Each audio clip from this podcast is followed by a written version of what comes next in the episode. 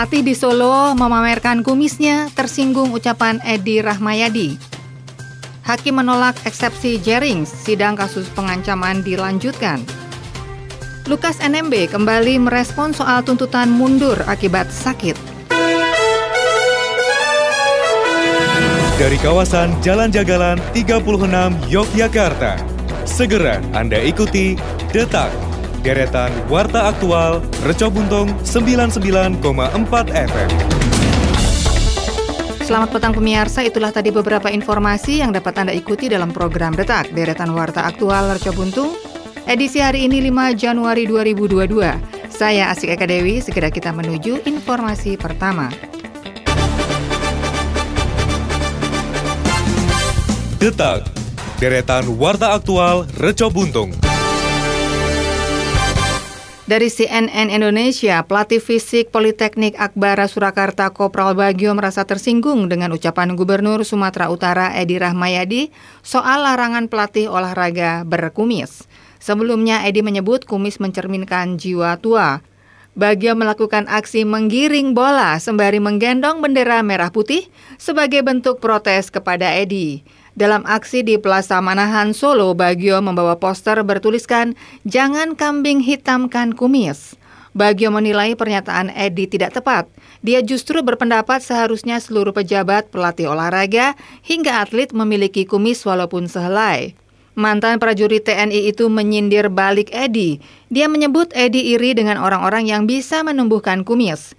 Sebelumnya, Gubernur Sumatera Utara Edi Rahmayadi melarang pelatih di daerahnya berkumis. Edi beralasan orang berkumis mencerminkan jiwa tua. Dia berpendapat seharusnya olahraga diwarnai dengan jiwa muda. Dia mengibaratkan prajurit yang berperang harus berjiwa muda meski usia tidak lagi muda.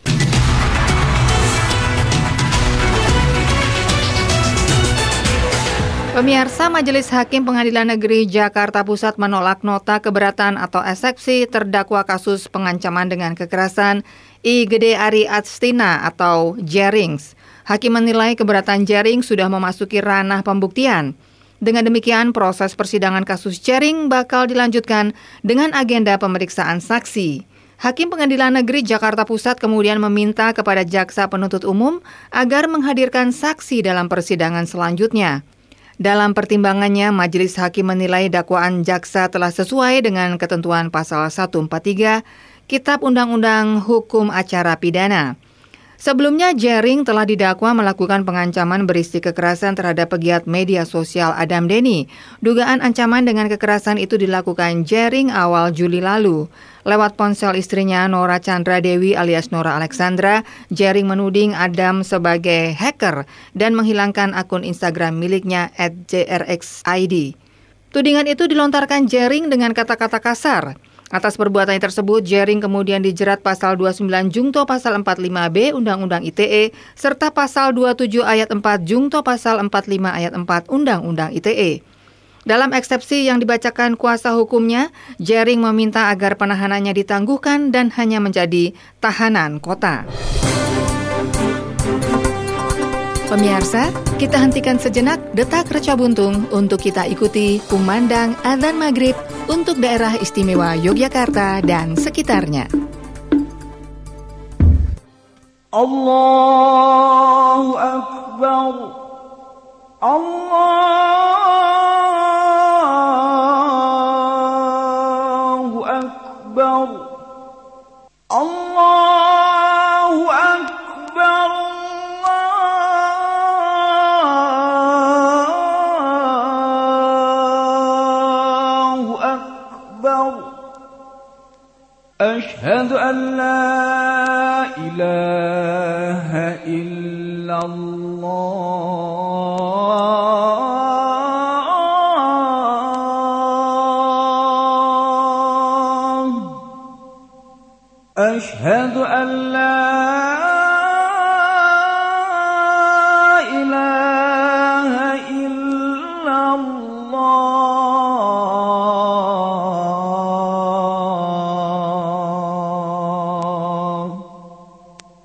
أشهد أن محمد رسول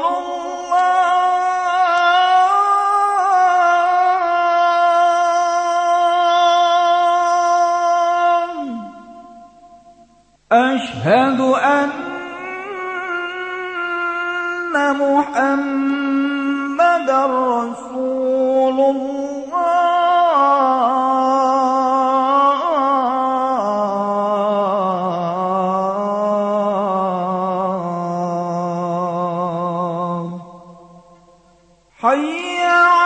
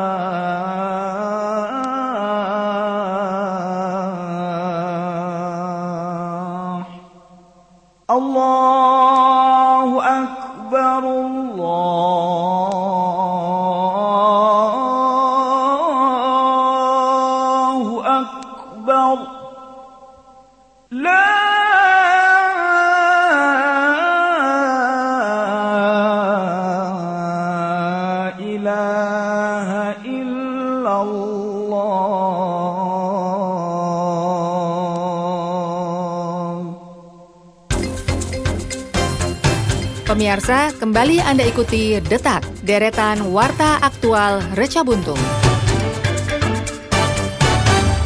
Pemirsa dari CNN Indonesia, Gubernur Papua Lukas NMB kembali buka suara soal proses pengobatan dirinya yang dituding membuat tata kelola pemerintahan di Papua terbengkalai. Diketahui sebagian pihak mendesak NMB mundur karena persoalan tersebut.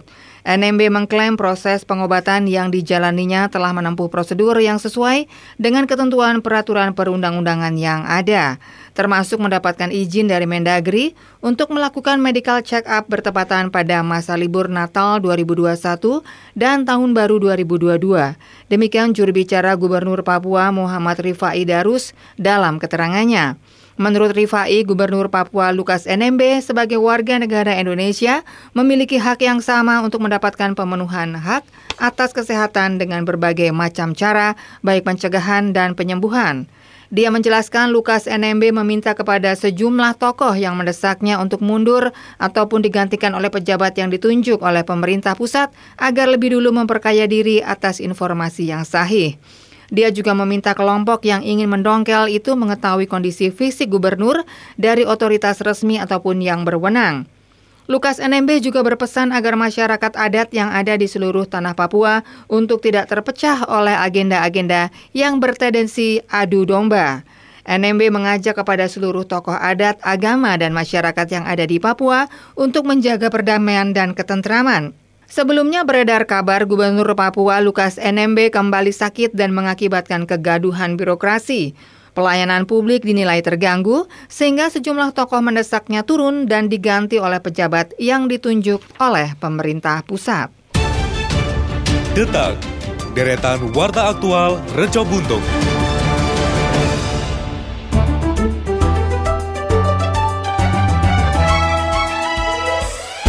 Baik pemirsa, masih Anda ikuti Detak, deretan Warta Aktual Reca Buntung bersama saya Asik Eka Dewi.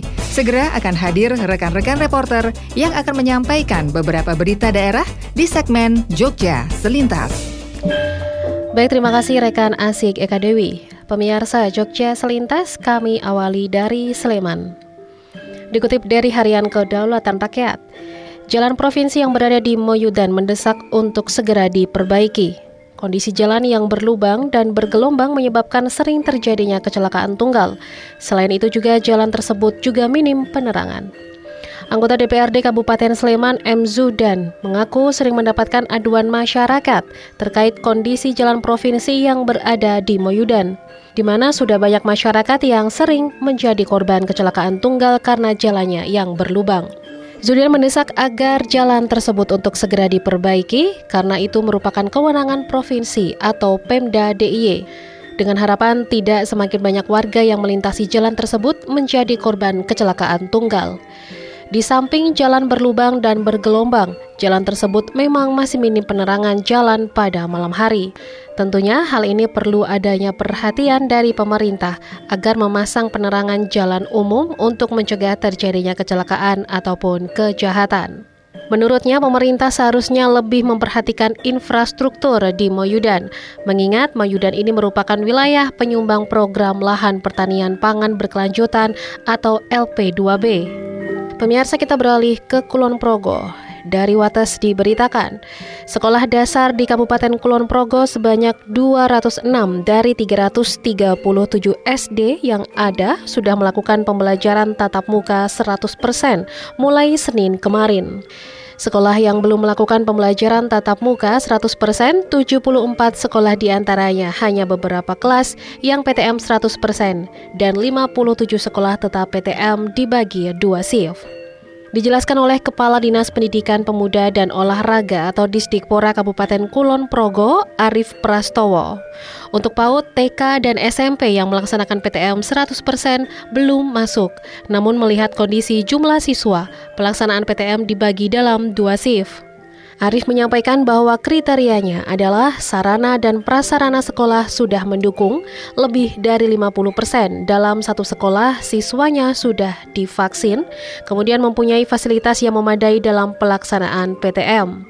Di Kulon Progo, sekolah yang siswanya di bawah 20 siswa bisa mengadakan PTM 100%.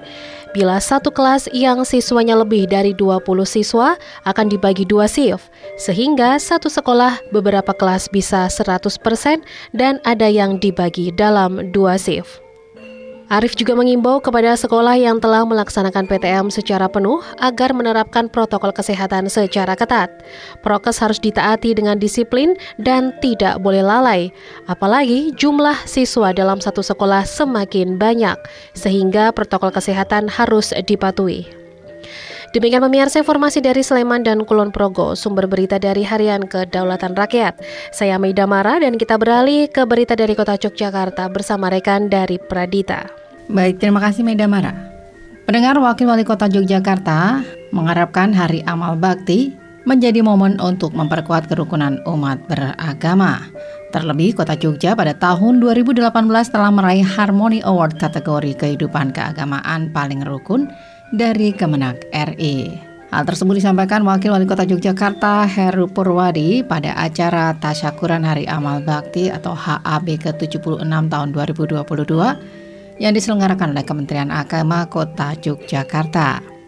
Selanjutnya, Wakil Wali Kota juga mengharapkan agar pencapaian tersebut terus dipertahankan dan ditingkatkan pada tahun mendatang yaitu dengan mendorong kerukunan antar umat beragama di kota Yogyakarta.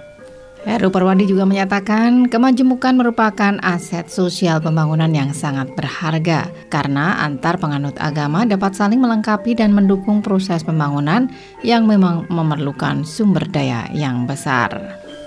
Selanjutnya di balik kerukunan tersebut pihaknya pun mengakui peranan para tokoh lintas agama yang ada di Yogyakarta sangat menentukan, terutama dalam mendorong umat agamanya berperan serta menjaga keharmonisan lingkungan. Di sisi lain, Kepala Kantor Kemenak Kota Yogyakarta Nur Abadi menyatakan bahwa pihaknya terus berupaya untuk meningkatkan pelayanan yang terbaik kepada masyarakat.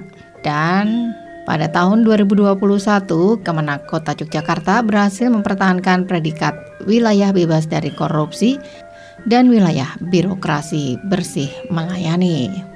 Nur Abadi juga menyatakan bahwa Kemenak Kota Yogyakarta akan siap mendukung program-program Pemkot Jogja, termasuk layanan kepada masyarakat yang berbasis online, yaitu Jogja Smart Service dan layanan di mall pelayanan publik. Pendengar Polda DIY hari ini menggelar ungkap kasus peredaran narkotika jenis ganja. Kabit Humas Polda DIY, Kombes Pol Yulianto menyatakan dalam rangka pencegahan pemberantasan penyalahgunaan dan peredaran gelap narkotika di wilayah hukum Polda DIY, Ditres Narkoba Polda DIY berhasil mengungkap kasus peredaran narkotika jenis ganja. Barang bukti yang berhasil disita yaitu ganja seberat 7,5 kg lebih. Adapun kronologis kejadian adalah pada hari Selasa 21 Desember 2021 Sekitar pukul 20 lebih 45 waktu Indonesia Barat, anggota Opsnal Ditres Narkoba menangkap tiga orang tersangka RD, DD, dan BM di TKP dan dari hasil penggeledahan kamar ditemukan sekitar 5,6 kg ganja di dalam tas, di dalam almari, dan di atas lantai kamar. Dari keterangan RD, Ganja tersebut didapatkan dari penjual Mr. Egg pada bulan pada awal bulan Desember 2021. Saat itu RD memesan sebanyak 10 kg seharga 13.500 rupiah. Adapun komunikasi dengan penjual atau Mr. X menggunakan media sosial WA. Dan selang tiga hari kemudian, RD mengambil barang tersebut. Selanjutnya dengan kejadian tersebut, maka dilakukan pengembangan jaringan peredaran narkoba jenis ganja oleh Ditres Narkoba Polda DIY. Kemudian, tim berangkat ke Bandung pada hari Rabu tanggal 22 Desember 2021 dan berhasil menangkap MA pada hari Kamis 23 Desember 2021 pukul 11 waktu Indonesia Barat di Ciwidey, Bandung dengan barang bukti 1347 gram ganja. Selanjutnya pada hari Jumat 24 Desember 2021 pukul 18.30 waktu Indonesia Barat berhasil menangkap AS di Bogor Selatan dengan barang bukti 565 gram ganja. Demikian informasi dari kota Yogyakarta, saya dari Pradita. Segera kita menuju ke rekan Meida Mara. Pemirsa, kembali lagi bersama saya Meida Mara untuk membawakan informasi dari Bantul dan Gunung Kidul. Dikutip dari harian Kedaulatan Rakyat, Sejumlah objek wisata di kawasan hutan pinus Kapanewon Delingo dijadikan pilihan untuk mengisi liburan akhir tahun. Tak heran jika lonjakan wisatawan paling banyak setelah dihantam pandemi. Sebanyak 20.145 wisatawan mengunjungi objek wisata di Mangunan dan sekitarnya selama libur tahun baru atau 30 hingga 31 Desember 2021 sampai dengan 1 Januari 2022. Sementara sepanjang tahun 2021, kunjungan wisatawan di Kabupaten Bantul menembus 1.378.223 orang dengan meraup pendapatan 13,3 miliar rupiah. Ketua Koperasi Notowono atau operator kawasan hutan Pinus Mangunan Purwo Harsono mengatakan, kunjungan ketika momentum tahun baru ini merupakan pencapaian tertinggi selama pandemi. Jumlah wisatawan yang berkunjung ke Mangunan dan sekitarnya mencapai 20.145 dan angka tersebut lebih sedikit dibandingkan libur Natal dan Tahun Baru sebelum pandemi COVID-19. Purwa bersyukur ekonomi masyarakat di kawasan objek wisata menggeliat kembali dengan masuknya pengunjung. Wisatawan masih memilih Pantai Parangtritis sebagai tujuan liburan dengan jumlah mencapai 68.364 orang. Sedang puncak kunjungan wisatawan terjadi pada 2 Januari 2022 kemarin dengan jumlah mencapai 32.645 orang. Dari jumlah tersebut, 26.200 orang berkunjung ke Pantai Parangtritis. Kita beralih ke Gunung Kidul. Pemirsa masih dari harian Kedaulatan Rakyat, Sampai tanggal 4 Januari, seluruh aparatur sipil negara atau ASN di Gunung Kidul belum menerima gaji. Sebagian dari mereka mengeluh karena yang biasanya menerima gaji setiap tanggal 1 sekarang belum juga mendapatkan bayaran. Sebagian mereka tidak tahu sebab tertundanya pembayaran gaji ini. Dari data yang dikumpulkan, pembayaran gaji masih menunggu pelantikan perubahan susunan organisasi dan tata kerja atau SOTK baru. Meskipun karena menunggu pelantikan SOTK baru, ke depan perlu disiapkan tahapan agar pegawai dapat menerima gaji tepat pada waktunya. Dijelaskan oleh Ketua Komisi D DPRD Gunung Kidul, Dr. Andes Hasu Priyadi pada Selasa kemarin. Setelah pelantikan OPD baru, segera akan dilakukan proses pembayaran pegawai.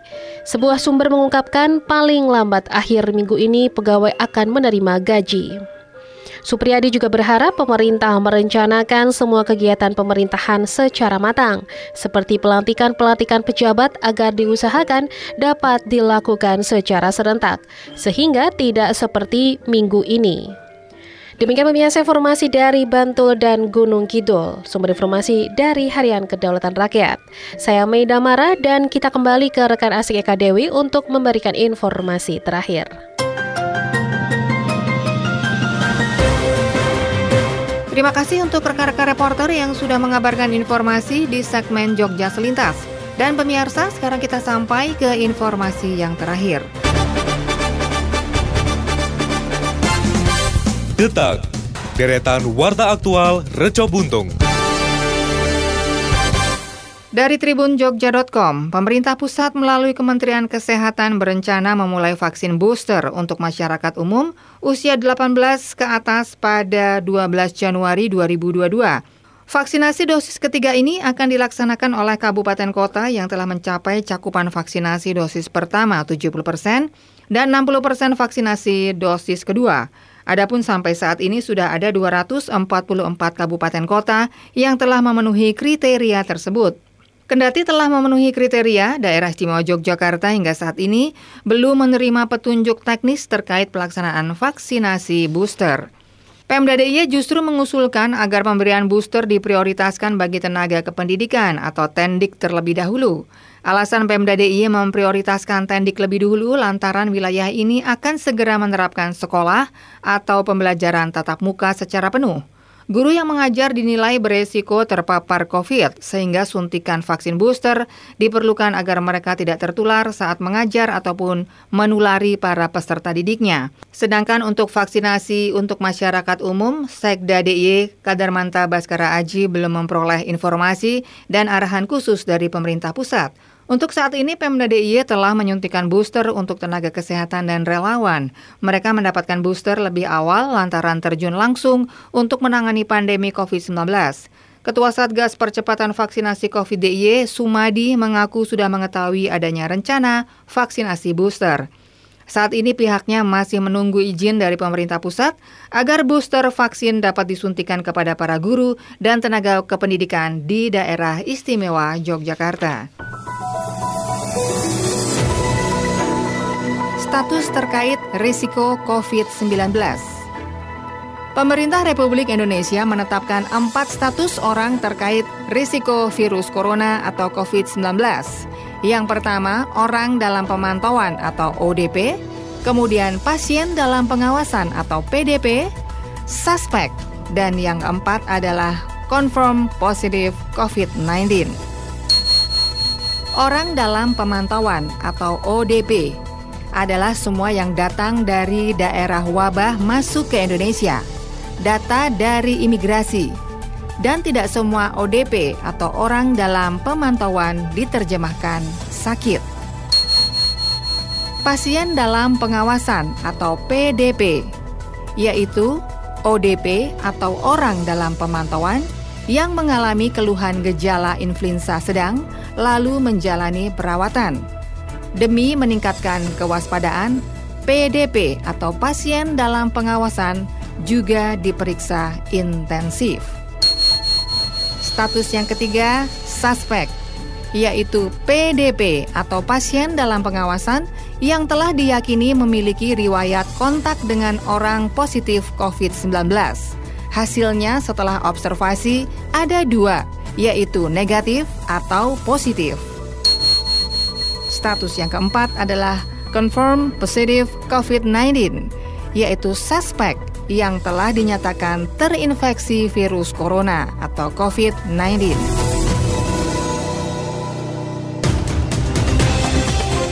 Pemirsa, informasi tadi menutup program Betak edisi hari ini 5 Januari 2022. Ikuti kembali program Betak deretan Warta Aktual Raja Buntung esok petang pukul 18 waktu Indonesia Barat. Radio lawan COVID-19.